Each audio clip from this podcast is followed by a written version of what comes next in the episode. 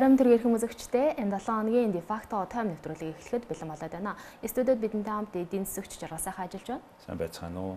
Бид тухайн 7 хоногийн хамгийн чухал 3 сэдвийг сонгоовч мэдээлэл хүргэдэг. Энэ 7 хоногийнхаа сэдвүүдтэй танилцъя. Улсын хурал засгийн газрын гишүүд жижиг дунд үйлдвэрийг хөгжүүлэх сангаас хөнгөлөлтөө зээл авсан нь нотлогдож байна.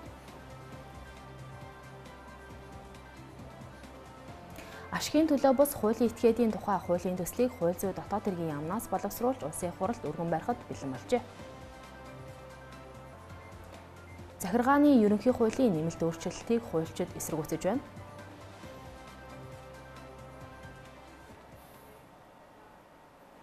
Тэгэхээр энэ 7 хоногт бидний онцолж байгаа хамгийн эхний сэдв бол жижиг дунд үйлдвэрийг хөгжүүлэх сан гэдэгтэй холбоотой мэдээлэл байна л да. Өнгөрсөн 7 хоногт хамгийн чухал болсон үйл явдал юм бол яг энэ сан бол жижиг дунд үйлдвэрлэл эрхлэх эрхлэх гэж байгаа энгийн иргэдэд зориулсан зээл олгох зорилготой уг нь байгуулагдсан. Гэхдээ энэ сангаас бол тодорхой хэмжээний өөр өөр дүнтэй мөнгүүд мөнгнүүдийг бол улсын хурал засгийн газрын гишүүд өндөр дэд албан тушаалтай хүмүүс авсан нь баримтаар нотлогдож байгаа. Тэгэхээр эн чинь нөгөө шударга ёс гэдэг зүйл нь яг хаачсан бэ энэ асуудал дээр. За ер нь жижиг дунд үйлдвэрийг энэ зээлийг бий болгох энэ энэ дэмжих санаа бол бүр дээр үед гарч ирсэн юм л да. Тэр 2000 Тэгвэл 92 93 оны үед бүр гарч ирсэн. Америк нэгдсэн улсаас Монгол улсад хөдөө аж ахуйн бүтээгдэхүүний тусламж үзүүлэх тухай юм хилцээр хийгдсэн. Тэгээд тэр зээл тусламжийн тусламжаар бид нар шарт тос цэцгийн тос өгсөн тэрийг борлуулад орлогоор нь та нар жижиг дунд үйлдвэрээ дэмжээч гэсэн юм чиглэлтэй байсан. Ягаад гэвэл бүх орн бүх ер нь ямар ч том орнд гэсэн жижиг дунд үйлдвэр бол эдийн засгийн ноён нуруу байдаг л да. Ихэнх олон хүмүүс энд байдаг болохоор. Тэгээд энэ жижиг дунд үйлдвэрүүдийг төрийн зүгээс дэмжинэ гэдэг нь одоо Монголд бол нөгөө мөнгө их өндөр хүүтэй учраас энийг хямдруулсан хэлбэрээр өгөө гэдэг санаа яваад Тэгээ янз бүрийн яам тамгын газар нөр болсоор хамгийн сүүлний санг байгуулсан юм а 2000 онд. Аха. За тэгээ өнөөдрийн сан чинь 24 хүнтэй төгс бүлэг гэдэг даргатай юм сан явж шин. За тэгээд энэ сангийн вебсайт руу н орохоор яг жилийнхэн тайлан байлан байхгүй баг. Хинд ямар маягаар өгсөн гарахгүй байна. Тэгээд нуугаад байсны одоо энэ сая гаргаад ирлээ шүү дээ. За тэгээ одоо энэ том дарганаар их хурлын гишүүд сайд нар өөрсдөө хамаатай компаниудаа ингээд зээл тэр бумаар нь 950 сая төгрөгөөр ингээд баахын хурлын гишүүдийн нэр гараа явчихлаа шүү дээ. Их нэртэй аавда хүүхдээ ингээд авч өгсөн гэл тийм үү. Энэ бол зөвхөн зөвхөн гарчаад байгаа нь шүү дээ. Түүнээс гадна гараагүй мэдээлэл байгаа. Тийм энэ бол ингээд жишээлбэл 16 онд Монгол улс 56 тэрбум 17-д 50 18-д 65 тэрбум буюу 20 20 орчим 20-оос 26 сая долларыг тарааж өгсөн байгаа юм л да. Тэгээ 19 оны төсөвт энэ орохгүй байсан шалтгаан бол сангийн сайдныг удаа ер нь эзэндээ очт юм уугүй юу гэж хэлснээс холбоотой л доо. Манай хүн бол мэдэж лээсэн байна л да. За тэгээд бол ер нь энэ бол энэ удаа л одоо энэ хідэн сайд дарганаар гарч ирж байгаа болохоос биш энэ жижиг дунд бол үеийн үед энэ дарга цэрнэр хэрглэж эхэлсэн. Энийг хариуцлага мэддэг байсан хүмүүс өөрсдөө сайд болсныхоос хойш өөрсдийн үйлдвэрийн хүнтэй болсон. Энэ бол зүгээр нэг тийм энэ бол одоо бүр юм манай системд орцсон буруу засаглалын илэрхийлэл болоод олон жил болж байгаа. Одоо энэ хүчтэй чимээ чимээ шуу авж байгаа болохоос биш. За энэ юу гэхээр 5 жилийн хүртэлх хугацаатай жилийн 3% хүүтэй үндсэн зээлээс нь 10 эхний 12 сар чөлөөлдөг. Тэгээ санхүүжилтийг зөвхөн төгрөгөөр олгодог 2 тэрбум хүртэлгээр олгодог юм зээл л дээ. За тэгээд энэ зээл уг нь ингээд зөх ёсороо явсан бол бас нийт олон хүмүүст хөдөлмөрийн ажлын байр бий болгох, өрсөлдөх чадвар бий болгоход туслах байсан. Монгол улсын эдийн засаг төрөлжихгүй байгаагийн нэг суур шалтгаан нь төрийн дэмжиж байгаа мөнгө нь дэмжих шаардлагагүй хүмүүст ингээ хувьдаа явчихдаг энэстэй холбоотой гэж үзэж байгаамаа. Ядуурд буурахгүй байгаа гол шалтгаан нь тий. За мөн ашиг сонирхлын зөрчил төр засгийн удирдлагууд хууль тогтоогчид өөрсдөө ирэх мэдлээ ашиглан хувийн компаниудаа тусгай нөхцөл олгож байгааг илүү баталж шít энэ зөвхөн өөрсдөө зориулж. Гэтэ би түрүү ярьсан нь бол мөсөн уулын зөвхөн оройн юм аа. Тий. А ер нь энэ манч адилхан ананч адилхан бүгдээрээ ингэж энэ жижиг дунд үйлдвэрийг өөрсдөө хуваарлаж явж үдий хөрсөн гэдгийг тэмдэглэх хэрэгтэй. Тэгэхээр яг хөө мэдээж хэрэг зээл авч болно. Гэхдээ яг энэ эрх мэдлээ, мэдээлэлээ байгаа өөрийнхөө давуу байдлыг ашиглаад ингэж ашиг хийх нь хийж байгаа нь бол авилгын нэг хэлбэр яалтчгүй мөн гэж хараад байгаа. Тэгэхээр яг эдгээр хүмүүсээс энэ төлүүлсэн одоо цаашаа энэ хүмүүс ажиллаа хийх ёстой юм уу? Тэр авсан мөнгөө буцаж төлөх ёстой юу? Юу л дээ нэг шуугж байгаа л өнгөрнө үсттэй. Ягаад гэвэл энийг нөгөө хариуцлага тогтоох хүмүүс нь өөрсдөө энэ Монгол улсын 3 хуулийн 3 засаглалчны хоорондоо ялгаа нь алга болчиход байна шүү дээ. Хин мэдэгдэхгүй байна шүү дээ. Хиний хаан нугаа ил дал мэдэгдэхгүй холилдчихсан байгаа юм. Тийм учраас жоохон шуугж байгаа эднэрт юу юу хийж чадахгүй байхад хариуцлага хүлээл гэж. Ягаад гэвэл хариуцлага хүлээх юм бол нөгөөдөл нь хариуцлага хүлээх гээд байгаа хүмүүсийнх нь юм юм гаргаад ирж чадах учраас ер нь бол Монголын төр засаг харилцан барьцаалчаад хөдөлж чадахгүй шүү нэг талаас. За нөгөө талаас энэ бол тэр нөгөө 60 тэрбумын бичлэгийн хэрэг бол улс төрийн намын яаж санхүүжүүлж яаж хандив нэрээр төр засгийн албан тушаалыг худалдадаг мөн эргүүлээд албан тушаал тендер хөнгөлөлтөө зээл эргүүлж авч нэг оруулсан мөнгө авдаг энэ тогтолцоог тод харуулсан жишээ болж шít. Тийм учраас 60 тэрбумын тэр асуудал бол саяын энэ хөнгөлөлтөө зээл энэ харж байхад том том компаниуд өөрсдөө зээл авсан байгаа боломжтой хурдан гişүүдийн компаниуд нь. Тэгээд одоо энэ чи болж гэхээр компанид нэг тэрбумыг илүү гэсэн шиг байгаа юм л. Тэгээд тэрбум авж байгаа хэлбэр нь жан тэрбумыг чинь бусааж төлөхгүй гэхдээ хөнгөлтөө зээл өгөө гэх мэт тэр тохиролцсон 8 явж ийн гэж харж байна. Аа. Тий. Тэгээд яг хөө тэр уг нь ардчил хөгжсөн энгийн дүүрэн журамтай оронд бол эднэрийн сайд арганаараа нэг хоёр орн чөлөөлөх байх л да уг нь бус оронд бол манай энд чөлөөлж чадахгүй байхаа. Тэгээд харин хамгийн гол нь энэ олон жил хөөцөлдөөд энэ зээлийг авч чадахгүй байгаа иргэд энэ засгийн газрыг энэ нөхдүүдийг шүүхт өгөх юм бол харин шүүх мууч гэсэн ажиллаад эхлэх ёстой. Зүгээр хараагүй дүр үзүүлээд одоо гişг гөлийгөө суугаад чадахгүй. Тийм бүтэн 7 хоногийн турш ямар ч хариулт үзүүлэх. Тийм тэгэхээр ямар нэг хэмжээгээр иргэд эднийг шүүхт өгж ийж засгийн газрыг ер нь шүүхт өгөх хэрэгтэй л дээ. Тэгжээж энэ хуулийн машин тэгж явна шүү дээ. За үгүй юм бол 2020 оны сонгуульд энэ бол өөрийнхөө үл мөрийг үлдээж байгаа юм арга хэмжээ болж байна гэж үзэж байна. Тэгэхээр яг энэ сангаас гадна бол яг адилхан юм тусгай зорилтын зөндөө сан байгаа мал хамгаалах сан, тариалан эрхлэгчдийг дэмжигсэн батлан даалтын сан, бондын 999 төсөл гэд байна л да. Тэгэхээр энэ сангуудын чинь ч гэсэн яг мөнгө нь яг энэ маягаар явж байгаа гэхгүй гэх баталгаа байхгүй. Өө ердөөсөө эргэлзэхгүй байна. Ганцхан энийгээ бид мэдэхгүй байгаа. Яг энэ маягаар явж байгаа. Аа ганцхан энэ олон сангуудын үйл ажиллагааг бол хөндлөнгийн хяналтаар аудитын дүгнэлт үзүүлээ. Жил болгон тайлангийн тэр вебсайтээр нь тавьдаг. Хэн авсан хэн юу хийсэн хэн яа төлж байгаа гаргадаг ийм хууль журмаараа явах ёстой л тэгэхээр эн чинь бүгдээрээ бүх шатанда бүх төвшөндөө бүр их хурлынхаа хамгийн дээрээс ахуулаад ингээ хувилдсан юм чинь ингээл ингээл тойроод яваад байгаа юм л үр дүнд нь бол улс орон ч улам өртөө болоод гаднаас авсан зээлийг чинь хідэн даргандар нь хувааж идчихэд төлбөрийг нь болохоо бид нар бүгдээрээ татвараасаа төлжөхөд ингэ суугаад байна л. Тэгэхээр энийг бол одоо аль зэрэг иргэд бол энийг төвчөхгүй гэж би бодож байна. Одоо тэд нар одоо энийг өөр ямар нэг хэмжээгээр илэрхийлэх хэл байх. Тэгэхээр яг олон нийтийн зүгээс яг эдгээр авилгачдын эсрэг дараагийн алхам нь юу байж болох вэ? Аа тэр бол яг ямар ч гэсэн тэр сонгуул дээр мэдэгдэн гэж би бодож байна. Аа ер нь ер нь ардчил бол оролцоо шүү дээ. Тэгээ бид сонгуулийн өдөр л ардчилд оролцож байна. А сонгуулийн хооронд оролцдог нэг сошиалар хэд пост ч уура хүйсэн 3 гүлэр биччихээ тэгээ өөрийгөө болоо гэж бодож байгаа. Бид сонгосон гишүүнээрээ дамжуул шаардлага тавих гэдэг механизм мэдэхгүй байна. Заавал өөрийн тойрогтой биш хамаатай асуудлаар жишээлбэл одоо бид сонгосон иргэдээ нөө та та одоо өөрөө ийм зээл авсан уу?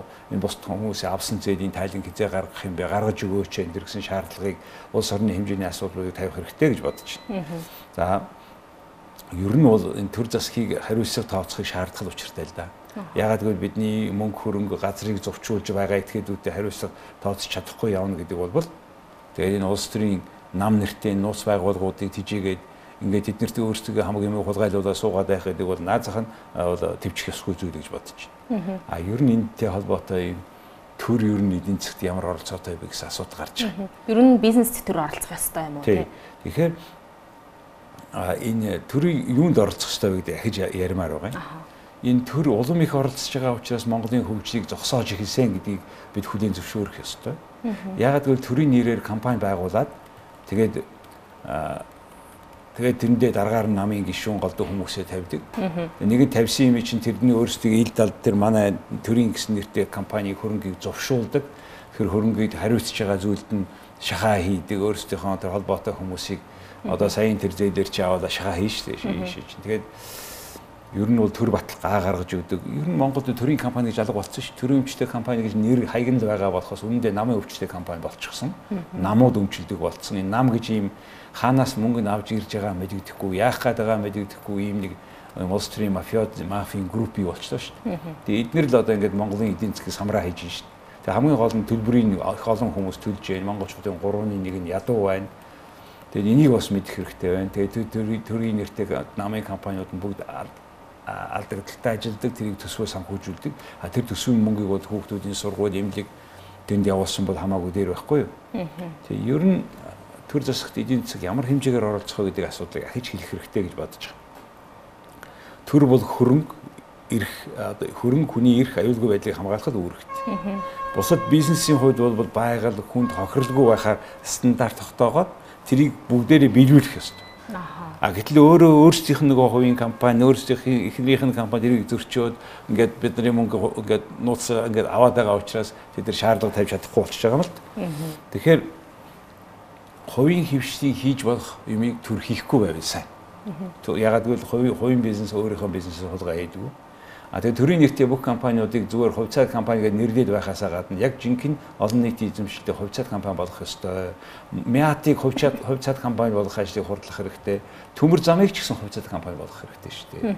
Заавал хоёр хоёр засгийн газар хоёулаа ийм э, ил тод биш засгийн газар ингээд төмөр зам гэдэг хамгийн чухал дид бүтцийг эзэмшчихэд дандаа алдагдaltaй. Тэгээд очсон дарга нар нь дандаа тэндээсээ хулгайлж идэг ийм сонин газрыг зогсоох хэрэгтэй шүү дээ. Эзэнтэй болгооч дээ. Тэгээд Тэгээд ер нь энэ төмөр замыг бол цахилгаан станцуудыг эдгээр хувьцаат компани болгоод иргэдэд 60 хүртэл хувь нь өгөх хэрэгтэй.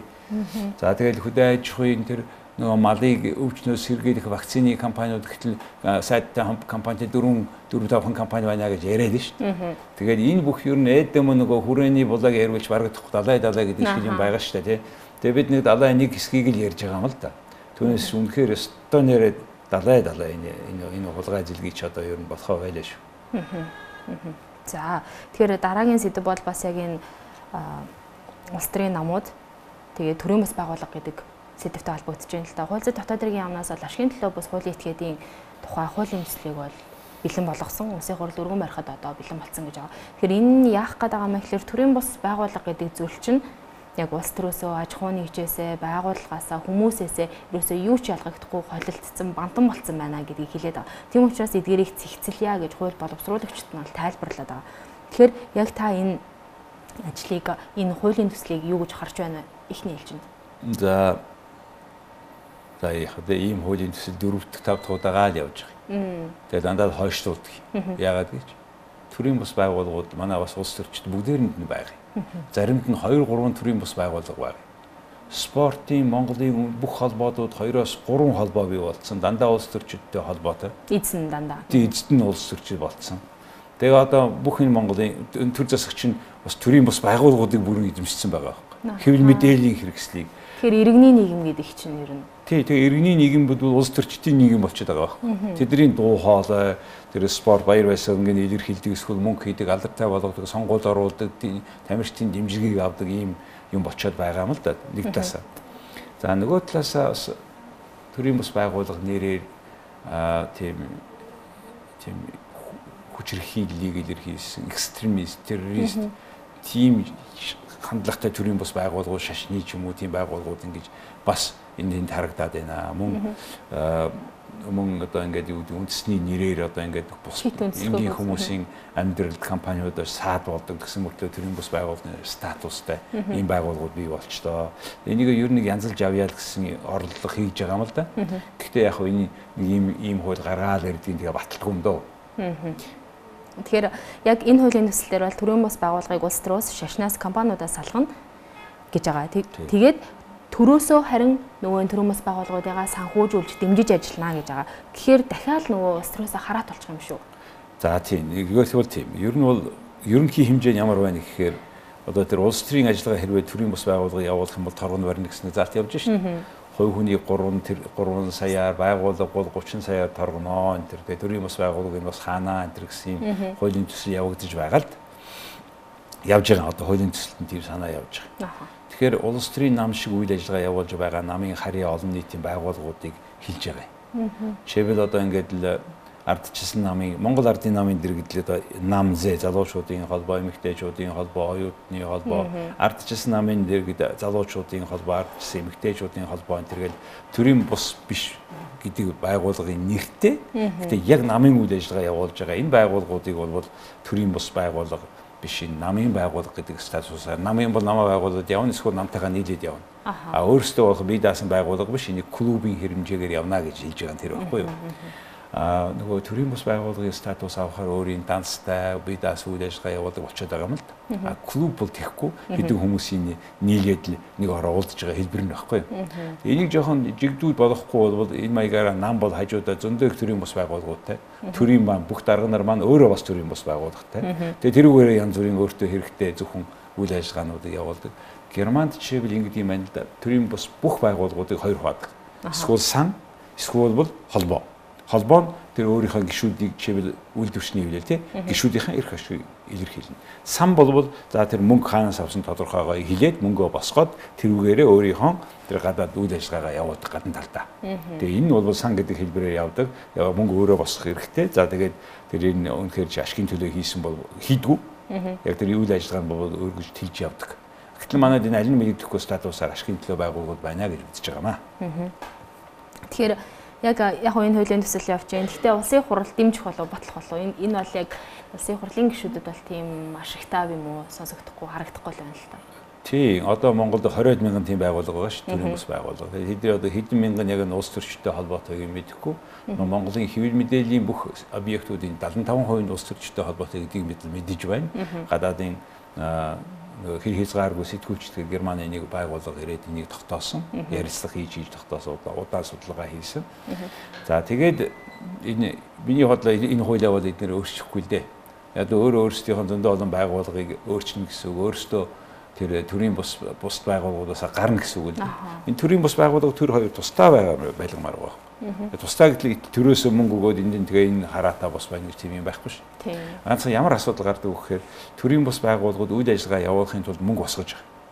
А мөнгө босгоход Монгол Монголын компаниуд мөнгө өгдөггүй, Монголын хувь хүмүүс мөнгө өгдөггүй. Яагаад гэвэл бусад хөгжилтэй оронд төрийн бус иргэний нийгмийн байгууллагуудыг дэмжсэн бол орлогын татвараас чөлөөлдөг.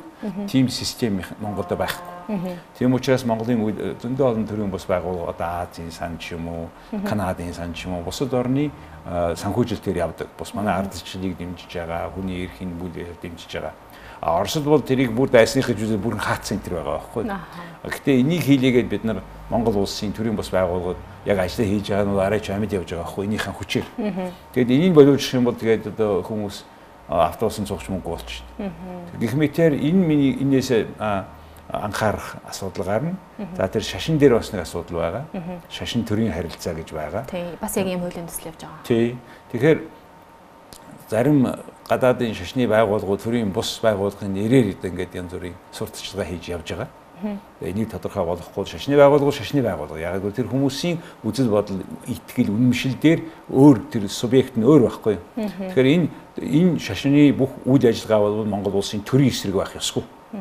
Тэгээд чивэ Францад ийм хууль гаргаад бүх шашин дотор нь хий дотор нь юу тавьчихлаа ш сүм дотор нь Францын тогийг тавьчихж байгаа байхгүй юу ч ямар ч үйл гэсэн Монгол энэ Франц улсын аюулгүй байдалд саад болохгүй шүү. Гэтэ хин ямар шашин шийдэх гин хой хүний аа. Тэг. Гэхдээ аль нэг шашин шивэл одоо тэр нь голлох шашин, тэр нь онцлог шашин гэдэг давмгаа болгочхоор ямар асуудал гарна гэж. Ингээ харахад бид нар төр тусалж байгаа юм шиг харагдана. Нөгөө шашин. Тэг ганц шашинд нь тий. Аа гэтэл яг үнэ хэрэгтэй төр шашинд орж байгаа шашин төрд орж иж байгаатай адилхан болчихж байгаа байхгүй. Яг л нөлөө чи үнэхээр шашны байгуулагч айгүй хүчтэй байхгүй. А Монгол бол нөгөө шашны бус төртэй. Энэ хоёр нь хоёр тустай гэсэн үндсэн хуульд орно шүү. Тэгэхээр энэ шашны нэг хүчтэй онцлог бол үндэсний шашин бол нэг ороод ирэхээр бол зөвхөн хамгийн том эрх мэдэлтэй хүмүүсийг нөгөө шашны тэргүүнүүд нь хянчдаг юм юм одоо Монголын төвөнд ч байсан шүү дээ. Тэгээ энэ миний одоо ингэж бас тооцох цаг болчиход байгаамаа. Тэгэхээр яг энэ хуулийн төсөл дээр бол улс төрийн намуудыг бол энэ санхүүжилтээ ил болгооч ээ гэдгийг бол одоо хүсэж байгаа, шаардж байгаа. Тэгвэл яг адилхан энэ төрөөмөс байгууллагуудыг ч гэсэн санхүүжилтээ ил болгооч ээ, эзнээ зарлаач ээ гэдгийг бол оруулсан байна. Ер нь төрийн бас байгууллага эзний хийн юу хийдгийг, яаж шийдвэрээ гаргадгийг, ямар мөнгө төгрөг орж гардаг гэдэг тайланг бол гаргах зүйтэй л дээ. Яг л чинь ашигын төлөө бас мөнгө босгож байгаа шүү дээ тийм ээ. Тэгээ үнэхээр ашигын төлөө бас хийсэн үйл ажиллагааны зардал нь юу болсон яасан гэдэг. Төрийн бас байгууллага шин татвар төлдөггүй болохоор нөгөө ийм төрийн бас байгууллагын нэрээр одоо сургууль мургуул ч юм уу юм хүн байгуулад ингээд мөнгө хийгээд ашиг аваад эзэн хүртээд яваад байх тийм боломжийг хаах гэж байгаа байхгүй юу. Хэрвээ тийм бол тэгвэл компани шүү дээ ингээд тэгээ компаниараа яваач ээ гэдэг. Тийм бас нэг тийм учраас нэг юм бүр нэг талд нь ачаа хаачихгүй. Нөгөө талд нь арай тодорхой болгосон ийм дундыг барьсан ийм нэг зохицуулт хийхийг төр засаг оролдож байгаа. Гэхдээ энийг хийж чадахгүй. Ягаад гэвэл энэ энийг хийх гээд байгаа тэр энийг батлах ёстой нөгөө дараа нар чи өөрсдөө төрийн бас байгууллагатай болж болж байгаа учраас энэ үе яхав да нэг ээлжит одоо нөгөө нэг баахан ярьсан шугсэл юм болж байгаа болов уу гэж үзэж байна. Гэхдээ өнгөрсөн 7 хоног энэ тухай юм ярицлага гараад энэ хууль нь ингээ явж байгаа гэдэг учраас ямар хуу энэ үр дагавартай вэ гэдгийг бид сонгож аваад энэ өөрийнхөө тоон дээр оруулж ярьж байгаамаа. За тэгэхээр бидний яг энэ 3 дахь сэдв бол энэ бас хуулийн төсөлтэй холбоотой сэдв байна л да. Захиргааны ерөнхий хууль гэж байгаа. Гэхдээ энэ хуулинд нэмэлт өөрчлөлт оруулах хуулийн төсөл бас явж байгаа. 6 дугаар сард бол өргөн барьсан их хуралд гэхдээ арай тэгэхээр энэ нэмэлт өөрчлөлтийг бол яг энэ салбарын нь буюу хуульчид тэр чигээр эсэргүүцэж байгаа. Тэгэхээр энийг яагаад эсэргүүцэж байгаа юм бол энэ нэмэлт өөрчлөлтөөр яг юу хийх гээд байгаа юм бол?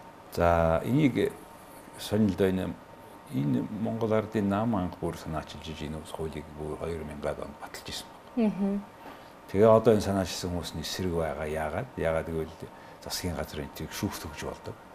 Тэдний шийдвэрийг. Тэгээд энэ зандан шатар дарга энэ оны 6 сард чинь хуулийн төслийг өргөө барьсан байгаа. За энэ дотор засгийн газар болон түүний харьяа байгууллагууд орон нутгийн байгууллагуудыг захир одоо хурал энтрийг те захиргааны шүүхийн хяналтаас гаргана гэсэн залт өгж байгаа. Тэгээ одоо засгийн газрын шийдвэрийг буруу бид нар ирэх ашгийг зөрчиж байна гэж үзэх юм бол чив одоо ажлаасаа харагдаж байгаа хүмүүс биш үү те.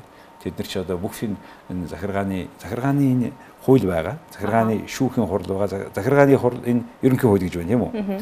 Захиргааны ерөнхий хууль байгаа учраас захиргааны шүүх гэж байгаа. Тэгэхээр манайх нөгөө юу юм байна л да энэ бас манайх Германы загвартай юм л шүүхийн систем нь. Буюу ийм специализированный буюу тусгайлсан ийм жишээвэл захиргааны шүүхэн төр гэж байдаг. Бий болгоцсон явж байгаа. Тэгээ одоо энийг аавна гэдэг бол тэгээд тэгвэл засгийн газар тэрвээ шүү үйл ажиллагаанд буруу гэж үзэж байгаа иргэн да тэгж үзэх хэрэгтэй шүү. Ялангуяа өөрийн буруу шийдвэр, шудраг бус шийдвэрээр нэг яг тэгээ хаана очих юм бэ гэсэн чинь үндсэн хууль дээр очино гэж санаа явж байгаа байхгүй юу? Цэц дээр очино гэж байгаа. Үндсэн хуулийн цэц дээр. Гэтэл үндсэн хуулийн цэц болохоор альва нэгэн шийдвэр үндсэн хуулийг зөрчиж гэнэ үгүй юу гэдгийг хилцдэг болохоос тэгээд одоо тэднийх одоо тэр хүний эрх ашгийг зөрчсөн үү тэргээд ийм хуулийн тим рүү орж болохгүй л дээ. Ажил нь барагдахгүй ш тэр чинь. Тэгээд ч 670-80 хууль байна. Тэр хуулийг зөрчсөн үү гэдг нь тэр хуультай холбоотой гомдол нь үндсэн хууль зөрчсөн үгүй юу гэдгийг ярьдаг болохоос одоо хувь хүнийхээ ингээ ярих юм бол үндсэн хуулийн зэс чинь нэг ажиллаж дийлэхгүй юм болно ш. Тэгээд хамгийн ноцтой нь хэрвээ үндсэн хууль ямарваа нэгэн асуудлыг авч үзээд үндсэн хуулийг зөрчсөн байна гэж үзвэл гаргаж байгаа шийдвэр нь их ноцтой юм болно шүү. Яг л үндсэн хуулийг зөрчсөн бол засгийн газрыг огцруулах хэрэгтэй болж байна. Тэгээд ч хөшөөс нэг сони юм. Үндсэн хуулийн цэцвэр рүү ерөнхийлөгч 3 хүн, шүүх засаглал 3 хүн, хурл 3 хүн явуулж байгаа шүү. Тийм томилж байгаа. Тий гэтэл шүүх засаглалын энэ 3 хүнийг бас ерөнхийлөгч томилж байгаа шүү. Аа. Шүүх засаглалын тэргүүнүүдийг. Тэгэхээр эдгээр бол ерөнхийлөгчийн хэрэгтэй хүнийг л ийшээ явуулна шүү. Тий Тэгэхээр ерөнхийлөгч гэдэг хүн үндсэн хуулийн цэцэд үндсэндээ 6 судалтай суугаад шүү 9 хүнээс. 9-өөс. Тэгэхээр барагтай засгийн газрын шийдвэрийг үндсэн хуулийн биш гэж үзэх юм бол одоо манайхан чи хинийн хинийхэн талд мэдэгдэхэ байсан шүү. Ямар нэг шалтгаанаар засгийн газар одоо үндсэн хуулийг зөрчсөн байна гэж үзэх юм бол ерөнхийлөгч дуртай цагтаа дуртай засгийн газрыг огцруулах боломжтой болчихж байгаа байхгүй.